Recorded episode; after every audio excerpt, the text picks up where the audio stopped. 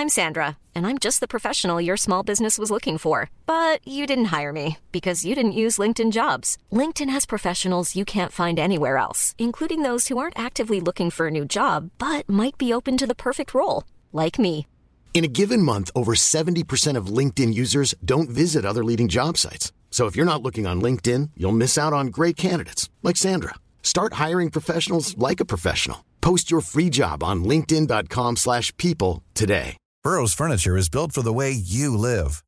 From ensuring easy assembly and disassembly to honoring highly requested new colors for their award-winning seating, they always have their customers in mind. Their modular seating is made out of durable materials to last and grow with you.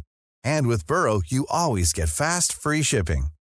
Get up to 60% off during Burrow's Memorial Day sale at burrow.com slash ACAST. That's burrow.com slash ACAST. burrow.com slash ACAST. Even when we're on a budget, we still deserve nice things.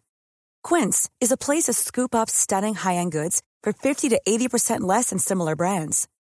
They have buttery soft cashmere sweaters starting at $50, luxurious Italian leather bags, and so much more. Plus, Quince only works with factories that use safe, ethical, and responsible manufacturing.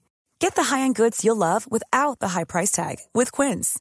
Go to quince.com slash style for free shipping and 365-day returns. Hvordan kan kristen tro gjøre mennesket rikere? Velkommen til Tore og Tarjei, en podkast fra dagen.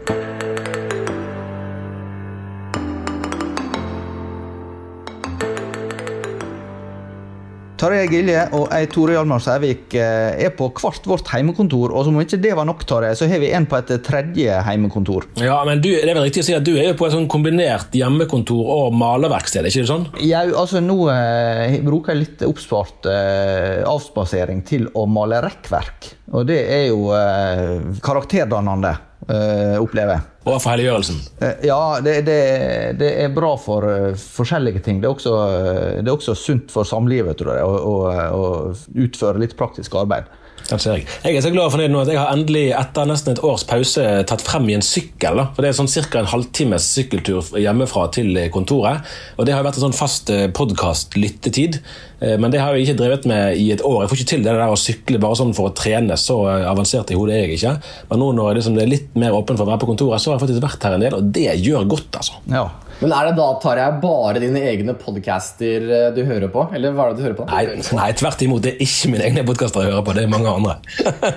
takk, takk for spørsmålet. Du, Det er ellers et, et lysende eksempel på at det faktisk er mulig for en mann å gjøre to ting samtidig. Nemlig sykle og høre. Ja, så vil jeg bare si også, bare sånn for sikkerhets skyld da, at Å høre på musikk mens man sykler, det kan vel ikke være særlig tilrådelig, men på en måte snakking blir liksom ikke så høyt at det overdøver eh, trafikken rundt. Sånn at sikkerhetsrisikoen vurderer jeg som ganske liten da, ved å gjøre det sånn. Ja. Ja. Men nå må du introdusere vår gjest, Tarjei. Ja, han, han, eh, Vi har jo hørt så vidt allerede. Andreas eh, Masvi han har jeg tenkt på som, som en av de viktigste intellektuelle da, blant eh, kristne mennesker som er noen år yngre enn deg og meg. eh, Tor. Vi er jo godt oppe i, de, i middelaldersjiktet. Eh, og eh, Ja, det var jo litt, eh, litt vi, vi er passert 40. Ja, ja, men det, det var det jeg mente å si. Jeg har lest eh, Andreas sine kronikker eh, over en hel del år med stor interesse og tenkt at han her eh, må vi lytte mer til. Eh, og så er det noe veldig utrolig sånn spennende og stimulerende Nå skal ikke vi liksom drive og snakke om sånn en generasjon imellom. Sant? Og, det, og hva er nå en generasjon, egentlig? Det er jo, ikke, det er jo ofte uh, altså Avstand i år uh, kan man ikke nødvendigvis sette sånn likhetstegn mellom det og, og hvordan man tenker. Men der er for få, vil jeg mene, da, i tradisjonelle kristne miljø som faktisk våger å tenke tankene helt ut. Vi blir lett bundet av det som er liksom, kristelig korrekt i forskjellige slags miljøer. Andreas opplever jeg er en som faktisk tenker ærlig og redelig, eh, og som også er i utvikling eh, med sin tenkning, som vi alle egentlig er, men som han setter ord på sine tanker, og dermed går det an å følge eh, utviklingen i de òg, og det har jeg mange ganger hatt stor interesse av å gjøre. Velkommen, Andreas. Kan du si litt sjøl om hva du driver på med? Det er jo en del forskjellig. Jeg må jo først si at det var jo en, eh, en vanvittig vennlig introduksjon. Eh, Nå er jo jeg dømt til å skuffe alle som lytter, så det er jo på en måte både vennlig og litt slemt, egentlig. det var godt Men, eh, ment. Til, det jeg holder på med. ehm, jeg, jeg står i litt forskjellige prosjekter. Jeg jobber som journalist i tidsskriftet og avisen Minerva, hvor jeg fokuserer hovedsakelig på, på, politikk, men også skriver litt om, om, kultur og ikke minst ideene som preger samfunnet vårt og vår, vår del av verden. Uh, utover det så er jeg i ferd med å ferdigstille en master i filosofi. Uh, elsker det, så det er egentlig bare hva skal vi si, et lite prosjekt som, som gjøres for fornøyelsens del. Og så er det, det Mensch som, som, jeg fokuserer på. Dette magasinet som er anledningen for denne samtalen, og som er, er hva skal vi si, mitt håp for å danne et fellesskap der man kan en rekke ganger på forskjellige måter trekke opp de litt lengre linjene, den litt dypere tematikken som, som preger vår tid, og, og, snakke om dem og snakke rundt dem på en måte som er, som er ja, som står i en eh, sammenheng både til tradisjonen, men som også våger, da, eh, som Tarjei eh, pekte mot, å trekke denne tradisjonen inn i vår tid og forsøke å forstå hva det innebærer å leve som, som, kristne i denne samtiden som er stadig mer kaotisk og forvirrende. Jeg sitter med siste utgave av eh, magasinet, som uh, heter altså Det fins jo digitalt, men også på papir. Det er to ganger i året foreløpig på papir, stemmer ikke det? Det er riktig, så nå er nesten alt fokuset på disse to årlige papirutgavene. Det er helt riktig. Ja, og, og, eh, her er det jo eh, bilder fra et urbant miljø. Altså Skyskrapere har vi jo ikke i Norge eh, av noe For den som har vært i New York, i fall, så, så er ikke det så veldig imponerende det vi viser fram. Men, men det er iallfall et, et høghus, vil jeg anta, fra Oslo. Og tema rikdom. Eh, og så eh, kan jeg jo tenke rikdom eh, i et urbant miljø. Det er jo veldig fort gjort å bli At tankene går i retning karriere økonomi, eh, teknologi og, og, og, veldig mye som har med det å lykkes eh, som karrieremenneske å gjøre.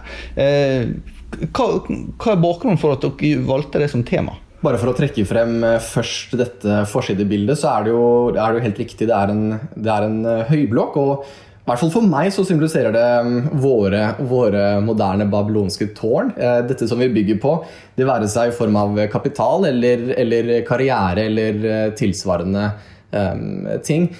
Um, og så er jo spørsmålet i en, i en, i en tid hvor det, det er et, et, ideal eller en, en, forståelse av rikdom som løftes opp, hva, er er, hva, er det som er, vår forståelse av rikdom? Hva er det som er en, kristen forståelse av rikdom? Som er et vanvittig stort og vanskelig spørsmål. Og så er det jo ikke til å komme fra at eh, den materielle rikdommen er én dimensjon av rikdommen. Um, det, kan være, det, kan være, eh, lett i en sånn hva skal vi si, åndelig kontekst å undergrave den materielle eller kroppslige siden. Men det er en type dualisme som egentlig er helt fremmed for, for også den, den bibelske tradisjonen, og ikke minst uh, hele den kristne tradisjonen som, som har, har fulgt siden Jesu tid. Eh, og det, Dette her blir jo særlig tydelig i, i skapelsesfortellingen, hvor vi ikke bare skapes inn i eh, rikdom som er, som er, av en åndelig forstand, dvs. Si at vi har fellesskap med Gud, men det er også en hage som bugner over av frukter, hvor, hvor vi er tilfredsstilt både åndelig og også eh, materielt eller, eller eh, kroppslig. Ja, for, for, for, jeg kan ofte få, få, et inntrykk av at vi altså Hvis en beveger seg i forskjellige kristne miljø, så vil det jo variere. Somme er mer puritanske og nøkterne enn andre. har forskjellige ideal. Somme vil tenke at jeg har fått mye, så er det en velsignelse fra Gud, og så skal en ta imot det. Og andre dyrker kanskje litt mer det at nøysomhetsidealet på, på, på, en måte gjør at en, en merker jo at vi har fått det ganske materielt godt i Norge, men, men eh, en har litt dårlig samvittighet for det. Og så, så, blir det noe med at du kan snakke om et ideal, og så merker du at eh, realitetene og idealet henger ikke helt godt sammen. Og så er det en sånn underskudd på refleksjon om forholdet mellom altså Hvordan forholder vi oss egentlig til rikdom? Er det en virkelighetsbeskrivelse du kan kjenne igjen i? Jeg tror det er riktig, og jeg tror det er veldig lett som sagt, at man blir um, informert av, av, samtidens uh, forståelser av ting, og også, også rikdom. Um, så, og Dette er blitt kanskje særlig satt på spissen under, under korona, hvor folk har mistet jobber, boligprisen har steget i været. Um, og en del kan føle på denne utryggheten som, som, som, oppstår med en sånn type krise. Uh, og det kan også være knyttet til helse eller tap av fellesskap osv. Men hvis vi nå bare først ser på det som har med jobb og, og bolig, så kan følelsen av at man mister den økonomiske tryggheten, eller ikke får kjøpt det huset da, som, man, som man kanskje tidligere hadde håpet å kunne få kjøpt, det kan, det kan eh, skape en opplevelse, tror jeg, eh, av at man ikke er så rik som man skulle ønske at man var. Og det er, jo, det, er jo, det er, jo, noe i dette som er, som er sant. Man har ikke tilgang på den velstanden som man skulle ønske at man hadde. Men dersom vi reduserer rikdomsforståelsen til til eh, disse parameterne, til om man får det riktige huset, eller om man får jobben med nok um, lønning, um, så, tror vi, så, tror jeg vi, har gjort noen, noen skikkelig um, gale veivalg. og vi ikke har evnet å, å, reflektere tilstrekkelig over hva det er som faktisk bringer rikdom inn i livet mitt. Og igjen For å trekke parallellen til Eden, så er det jo helt åpenbart at det er, det er, det er viktig og riktig at vi at vi har tilstrekkelig med mat, at vi har tilstrekkelig med, med eh, drikke, at vi, at vi, er i trygge omgivelser. Men så er det også noen andre dimensjoner her, som i vår verden, som er fallen, noen ganger kan til og med stå i motsetning til, til eh, ressursrikdom. Da. Og dette her er noe som Charles Taylor, eh, filosofen, snakker om når han snakker om eh, hvordan vi i vår, i vår verden, den sekulære, sen, senmoderne verden, har forflatet verden. At vi har drevet ut det åndelige fra verden. At åndeverden ikke lenger gjennomsyrer naturen eller bylivet, ikke minst. Og heller ikke på samme måte gjennomsyrer oss. Så i, i denne her lange prosessen som, som, har pågått over flere århundrer, men som for alvor skjøt, skjøt fart um, etter opplysningstiden, og så med den industrielle revolusjonen, så har vi også drevet ut noen helt vesentlige komponenter av, av en rik tilværelse. og vi ønsker um, også å trekke frem igjen i større grad disse, disse, um, disse dimensjonene som, som, vi kanskje har glemt. Og Kristin vil jo si ja, men vi har ikke egentlig glemt rikdommen i, i uh, det åndelige. Samfunnet har kanskje glemt det, men vi har ikke glemt det. Men jeg, jeg, tror også det undervurderer til den grad at samfunnet faktisk, og samfunnets kultur, eller dets idéstrømmer, dets, um, ja, dets forståelse av det gode, også gjennomsyrer oss og preger oss på, på, på temmelig dype måter og former oss.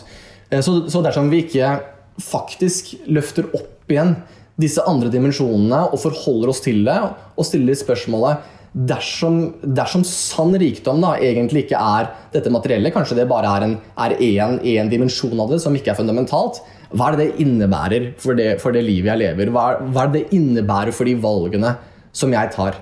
Eh, og Her er det, her er det ingen, ingen, lette svar, men jeg tror det er helt avgjørende at man, at man som kristen forholder seg til de spørsmålene, og, og ikke dytter dem unna, og ikke, og ikke tenker at det ikke er noe som som er relevant, eller at det bare er relevant for de som jobber eh, med dette på et slags teoretisk eller eh, ja, på et eh, annet plan av den, av den valøren.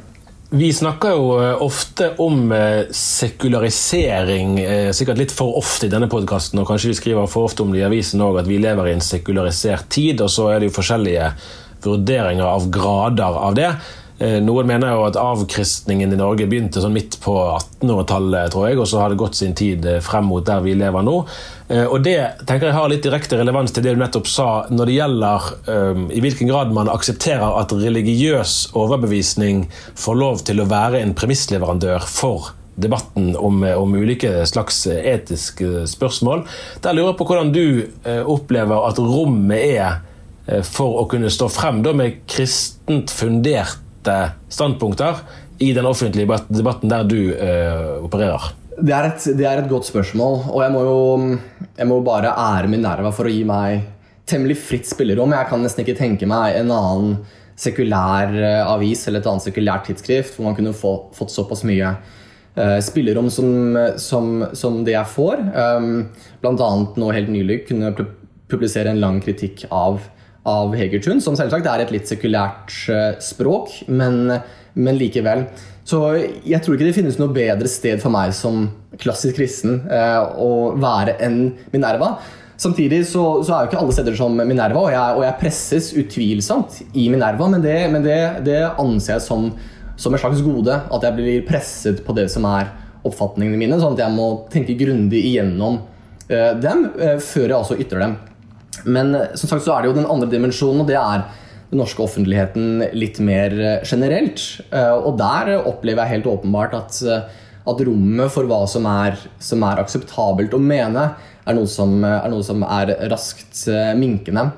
Og det er jo tror jeg, også viktig for kristne å forholde seg til. Det kan være at det er lett at det er sånne som oss som faktisk må forholde oss til den offentligheten. At det er kun vi som, vi som tenker over dette. Men um, det at, det at, samfunnet rundt oss endrer, og at det har en påvirkning på hvordan eh, debattklimaet er, eh, tror jeg er helt åpenbart. Og eh, for meg så, så, så, bærer dette litt preg av at man er på vei eh, ut i et eh, eksil, og den eh, opplevelsen har jeg hatt lenge. Um, og det er, det, er litt, det er, et litt befriende og også sorgetungt um, um, aspekt ved det. så jeg vil bare ta meg tiden til å bare raskt skissere hva det, hva det innebærer.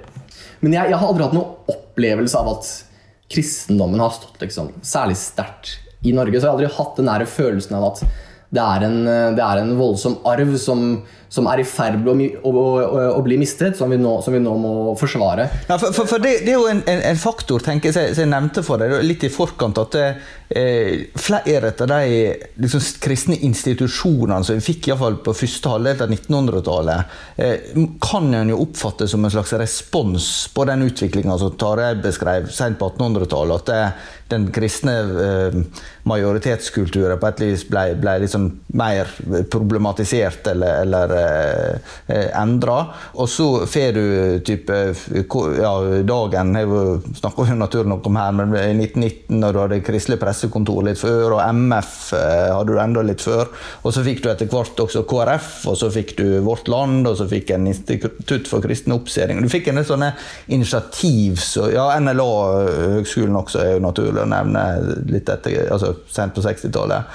Eh, som, som, egentlig tok utgangspunkt i at vi har en kristen kultur, men nå er den eh, i ferd med å bli mer marginalisert. Så vi etablerer institusjoner som på vis skal eh, motvirke eller bremse avkristning. Men da, kanskje folk som tilhører din generasjon, aldri opplevd at kristendommen har vært en sånn naturlig premissleverandør i Norge?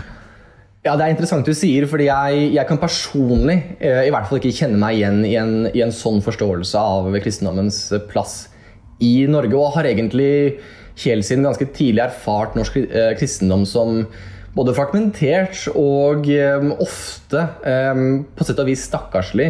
At man, at man forsøker å å klamre seg fast til en storhet som, som kanskje var, men som på ingen måte lenger er.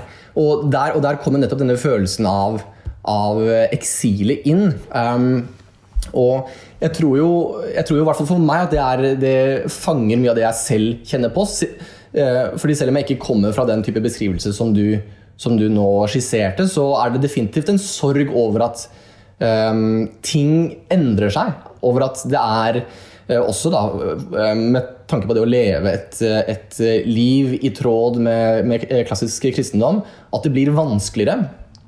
Og den, og den, den eksilfølelsen fanger litt at man har gått bort ifra noe som var trygt, noe som var godt på veldig mange måter. Um, og for oss så innebærer det jo at kristendommen hadde et slags kulturelt uh, hege, hege, hegemoni. Og at du nå er på vei ut i et annet åndelig eller kulturelt uh, landskap.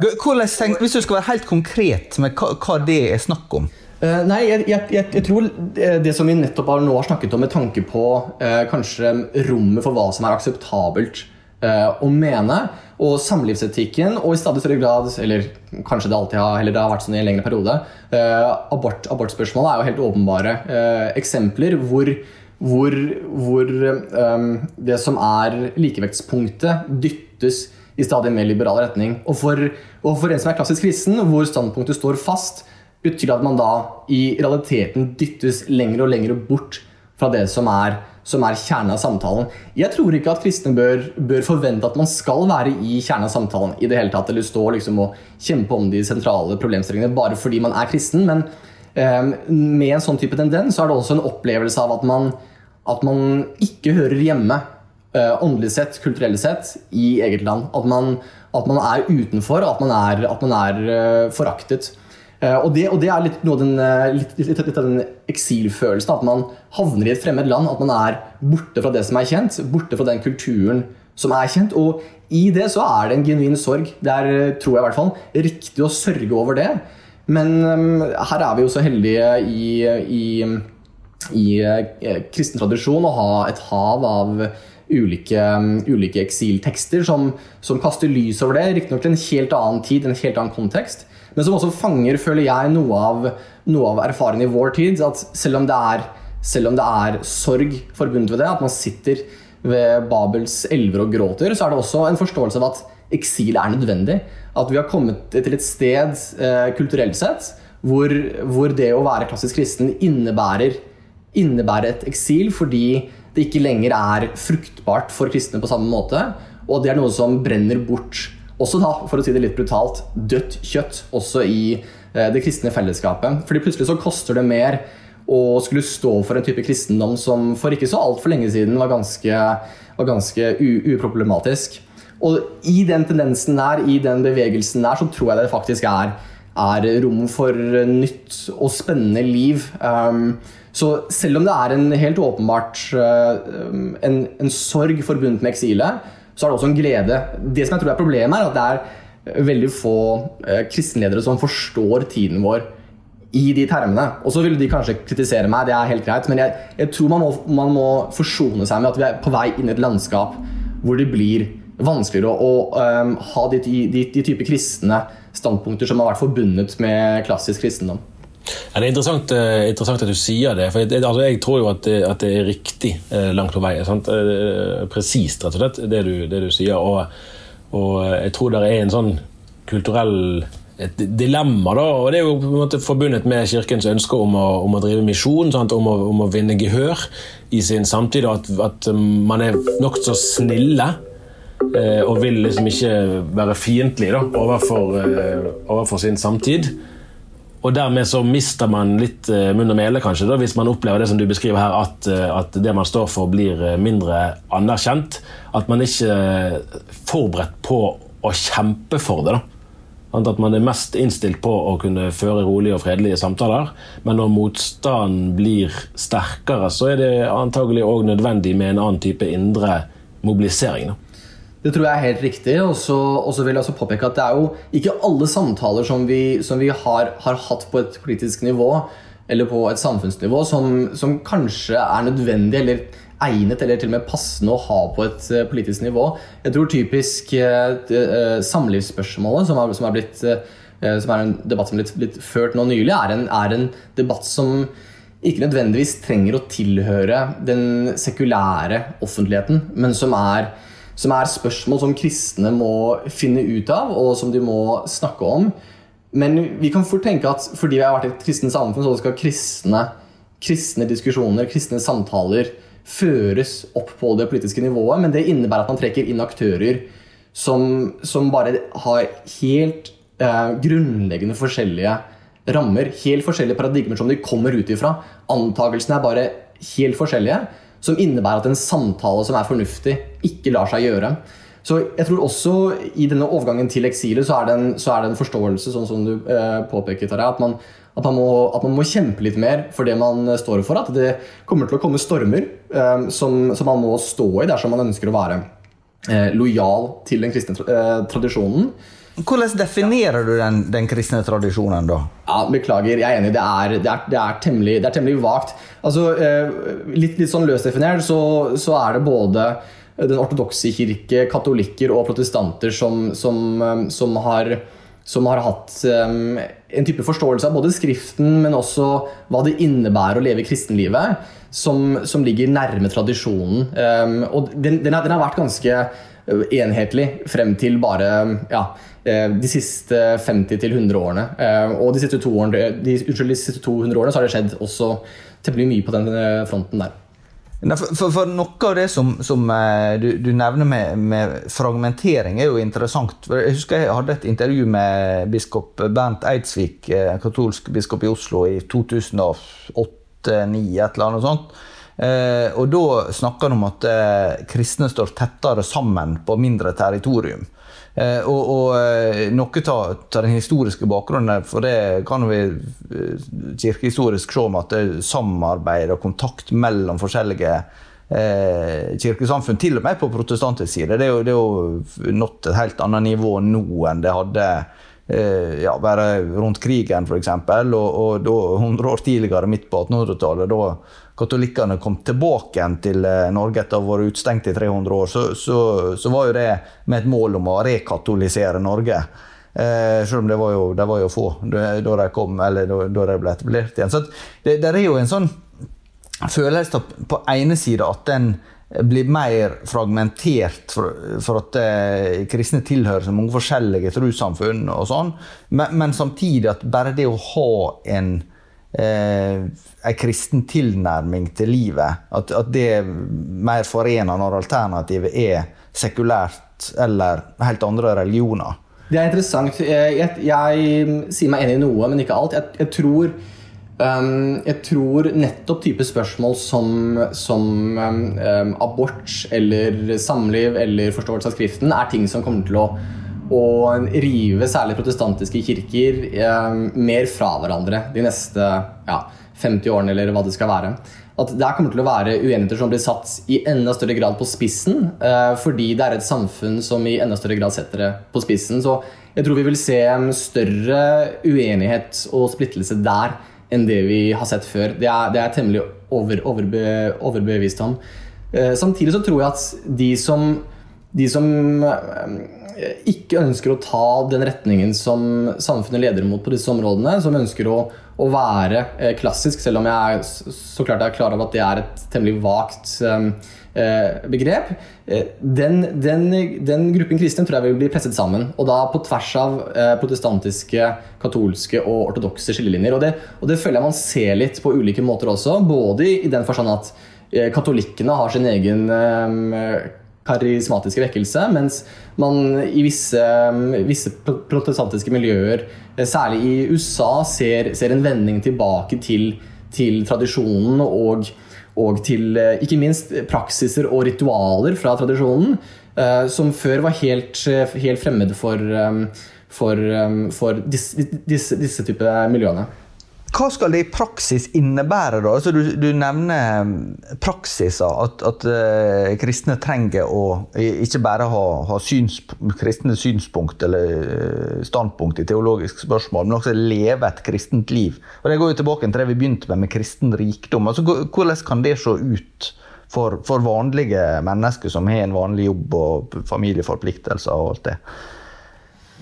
Ja, Det er et godt spørsmål. og jeg tror eh, Det er jo en av de store, store eh, feilaktige veiene vi har tatt i vår eh, protestantiske kontekst. At vi, at vi, har, vi har, akseptert for det første et slags skille mellom, mellom kropp og, og, ånd.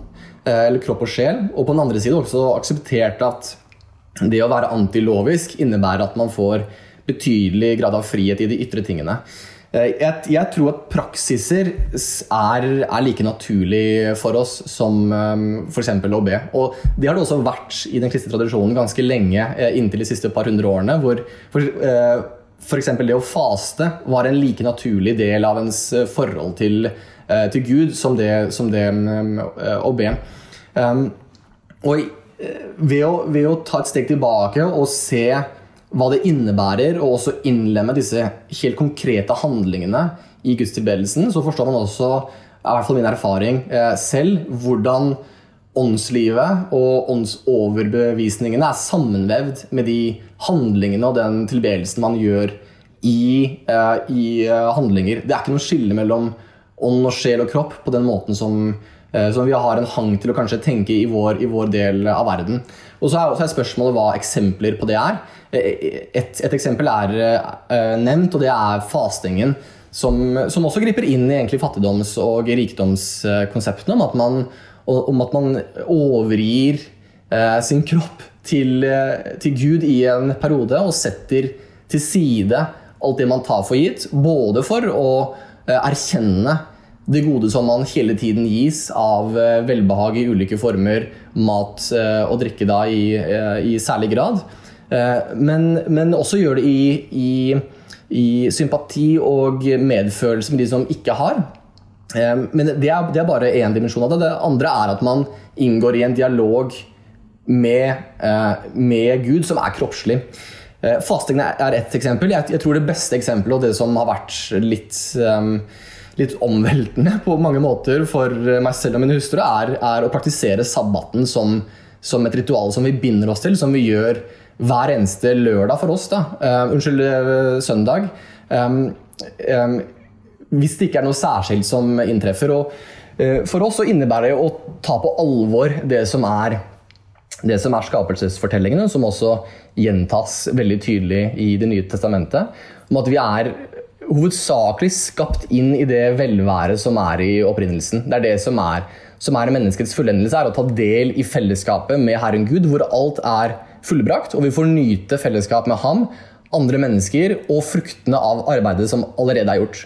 Og deretter trer man ut i, i resten av uken, resten, resten av det arbeidet som igjen leder til neste sabbat. Og det, det har en, det har en um, funksjon at man både erkjenner seg selv som, som begrenset, at man får ikke lov til å jobbe hele tiden fordi vi er ikke semiguder som, som er uten, um, uten limits. Vi har avgrensninger i vår natur som vi må respektere, fordi å respektere dem er det samme som å respektere skaperen av oss. Det er én dimensjon. En annen er um, dersom, man, der, dersom man tror at skapelsesfortellingen sier noe sant om mennesket, og at vi er skapt inn i denne tilstanden av hvile, som ikke er, som ikke er passivt. Det er ikke å legge seg ned på sofaen. det er å det er å faktisk ta glede i eh, det man har gitt. Hvis man har en forståelse av mennesket som skapt inn i det, så er, så er sabbaten en måte å i eh, historiens eh, forvirrende strømninger, og ikke minst våre forvirrende strømninger, å bryte ut av dem, eh, slå av, i hvert, fall det vi gjør hos oss, slå av alt som er av skjermer og sosiale medier osv., og, og trekke ut eh, og minne oss om de fortellingene som utgjør vår kristne tro. Og det er igjen alt fra skapelsen til frigjørelsen fra en fallen skapelse. Til, til håpet og lengselen etter å bli uh, forent med Han som har skapt oss og frigjort oss. Tenker du at, at denne praksisen skal, skal foregå mer på sånn familiegruppenivå, eller, eller er det sånn dette er noe som, som eh, du håper om å, å eh, skape refleksjon rundt også på, på kirkesamfunnsnivå og ledernivå? Altså, og her vil jeg være, være litt tydelig. Jeg, jeg tror ikke at man kan leve et helt kristent liv uten å feire sabbat. Og det, er, eh, det, det vil sikkert noen være veldig uenig i, men det er tross alt et av de ti bud sammen med å ikke stjele og ikke å drepe. Det er liksom der, der, der oppe. Og, det, og Da er spørsmålet hvorfor i all verden havner det å holde sabbaten helt der oppe? Hva er det som er grunnen til det? Jo, det er nettopp fordi vi blir minnet om disse grunnleggende tingene. Om at vi er skapt, vi har begrensninger, vi er gitt en natur, vi er gitt alt. Og vi, og vi skal ta glede i det, og vi skal ikke bryte ut av de grensene som er nedfelt i oss. Men vi skal eh, feire at eh, vi er gitt alt det vi er gitt, og vi skal lengte etter det som, eh, som eh, kommer. Så jeg, jeg, jeg, håper virkelig at, at man på også kirke, kirkesamfunnsplan tar, tar, eierskap for sabbaten som praksis, også fordi det er en, det er en, det er en vidunderlig kristen praksis. Det er den beste dagen i uken hvor som sagt, arbeid er ikke lov. Jeg har sagt til min arbeidsgiver at jeg kan gjerne jobbe på lørdag, men jeg jobber ikke på søndagen. Og da vet vi at vi kan være helt til stede med hverandre og bryte ut igjen bare for et øyeblikk og smake på det som er essensen av det kristne livet. Som er en sterk motsats til kristne som ofte må si nei til en del av det samfunnet forsøker å ville prakke på dem. Så kan man her faktisk ha positiv glede i en hel del ting. Så for meg personlig har det vært, har det vært fantastisk og noe jeg ikke kan eh, verdsette nok. Og så tror jeg at kristne um, bør feire dette sammen. At dette her er noe som det er riktig og godt i det enkelte menneskets liv uh, å feire. men som man også som fellesskap skal ta del i. At det er en fellesskapsdimensjon, at vi gjør det som et kristent folk. Og, og at man, man, mister noe, at jeg mister noe, når, når, man bare er en her og en der som gjør det, fremfor at man som et kristent folk da, tar, tar um, og baker inn i livet sitt de praksisene, og ikke bare sier at um, Hva skal vi si? At um, Eller det skal alltid være frihet. Man skal velge det av frihet, men det bør være en normativ eh, bevegelse. Det bør være en forventning om at kristne tar del i de her type praksisene. Fordi det, det, er, det er, en så sentral del av troen vår. Eh, nå er det jo veldig mye kristent som er etablert i Norge. som altså, nevner det med, med, ting som har vært, og sånn, og samtidig så, så merker jo mange Eh, institusjoner og organisasjoner, og kirkesamfunn, at en har ikke samme ja, tilstrømning av folk og gaver og forskjellig. Det vil jo variere liksom, hvor store utfordringene er, men, men det er jo en opplevelse at det, eh, det, er en del strukturer som var etablert i annen tid, og som er litt sånn krevende å holde oppe. Eh, i vår tid. Eh, er det også noe som inngår i ditt prosjekt? For, for jeg tenker at Der er det jo noe med å, å arve. Eh, det, der ligger en, en del virksomhet som en arver hvis en blir aktiv kristen i dag. og En nesten kan lure litt på hva skal en, hva skal en opprettholde, og hva skal en bare gi opp fordi det liksom er ikke fruktbart å prøve å, å føre det videre. Tenker du nok på det? Det er, et, det er et godt spørsmål og et vanskelig spørsmål. Um, Mensch ønsker å føre en samtale om, um, om hva det er å leve gode liv i vår tid. Hvis vi sier noe radikalt nytt, så er det feil. Det er, det er, en hovedregel. Dersom det er, dersom det er noe radikalt nytt vi kommer med, så er det med all sannsynlighet feil. Så, vi, så vi, vi, ønsker å hente fra tradisjonen vår og bruke det i vår tid. Og så tror jeg at man også på denne, denne, denne fronten her eh, lar seg, altså når det gjelder å, eh, å, bygge kristne fellesskap, formes i veldig stor grad av det som er samfunnets um, um, logikk, hva som er samfunnets uttrykksform etc. Og det har jeg i uh, dagen stilt meg kritisk til før, og um, om mulig er enda mer kritisk til nå. Tror at det er, det er en del strukturer som er ganske nye, som ikke er bærekraftige fordi de, de ikke har lært av tradisjonen. Og her er det jo mye føler jeg, spennende tenkning som foregår nå. Bl.a. blant annet en en amerikansk ortodoks som heter Rod Dreher, som har skrevet en bok som heter Bentic Doption som helt konkret henter, henter lærdom fra hvordan, hvordan, eh, hvordan kristne fellesskap har, har, overlevd tider som har, har visse likhetstrekk med vår egen, og bruker dem um, for, for, å forsøke å stake ut en vei i vår tid. Og det, det som slår meg um, med, med sånne, sånne type tenkere, er at det er aldri på samfunnets premisser at den nye veien stakes ut. Det er aldri. Og det kan, det kan, det kan oppleves så eh, rart og forunderlig og bakstreversk som det bare vil fra samfunnet som, som, som, man befinner seg i, men det er aldri det som er veien ut og videre. Eh, og, det, og der, der, jeg tror det er en nyttig, nyttig, nyttig innsikt som vi bør korrigere mye av um, det kristne arbeidet vårt mot. Og det betyr ikke at vi skal, um, at vi skal uh, Hva skal vi si? um, ikke gjøre forandringer, men jeg tror at det må være forandringer som trekker oss nærmere den kristne strømmen som har preget kirkehistorien i, i, så, i så, mange hundre år frem til, eh, frem til relativt nylig. Da. Eh, og jeg tror at det er en rikdom der, et liv der, en radikalitet der, som, som det er lett å ikke se, fordi vi tenker at um, det er, det er, på samfunnets premisser at, at, det radikale på en måte ligger. I hvert fall i, i uttrykksform, i hvert fall i måten vi, vi rigger oss til, da, for å bruke det begrepet. Her er det store tema som vi gjerne kunne snakka mer om, men eh, det var det vi rakk i denne veka her. Eh, tusen takk, Andreas Masvi, for at du var med oss.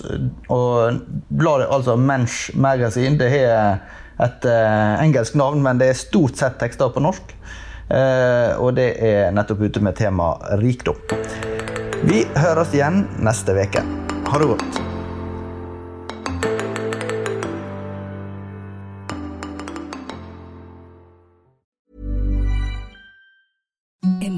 Softest sheets you've ever felt. Now imagine them getting even softer over time. That's what you'll feel with Bowl and Branch's organic cotton sheets. In a recent customer survey, 96% replied that Bowl and Branch sheets get softer with every wash. Start getting your best night's sleep in these sheets that get softer and softer for years to come. Try their sheets with a 30-night guarantee. Plus, get 15% off your first order at bowlandbranch.com. Code BUTTERY. Exclusions apply. See site for details. Hi, I'm Daniel, founder of Pretty Litter. Cats and cat owners deserve better than any old fashioned litter. That's why I teamed up with scientists and veterinarians to create Pretty Litter. Its innovative crystal formula has superior odor control and weighs up to 80% less than clay litter. Pretty Litter even monitors health by changing colors to help detect early signs of potential illness. It's the world's smartest kitty litter. Go to prettylitter.com and use code ACAST for 20% off your first order and a free cat toy. Terms and conditions apply. See site for details. This Mother's Day, treat mom to healthy, glowing skin with Osea's limited edition skincare sets. Osea has been making clean, seaweed infused products for nearly 30 years. Their advanced eye care duo brightens and firms skin around your eyes, while the Golden Glow Body Trio nourishes and smooths skin all over. Go to OSEAMalibu.com and use code MOM for 10% off your first order site wide.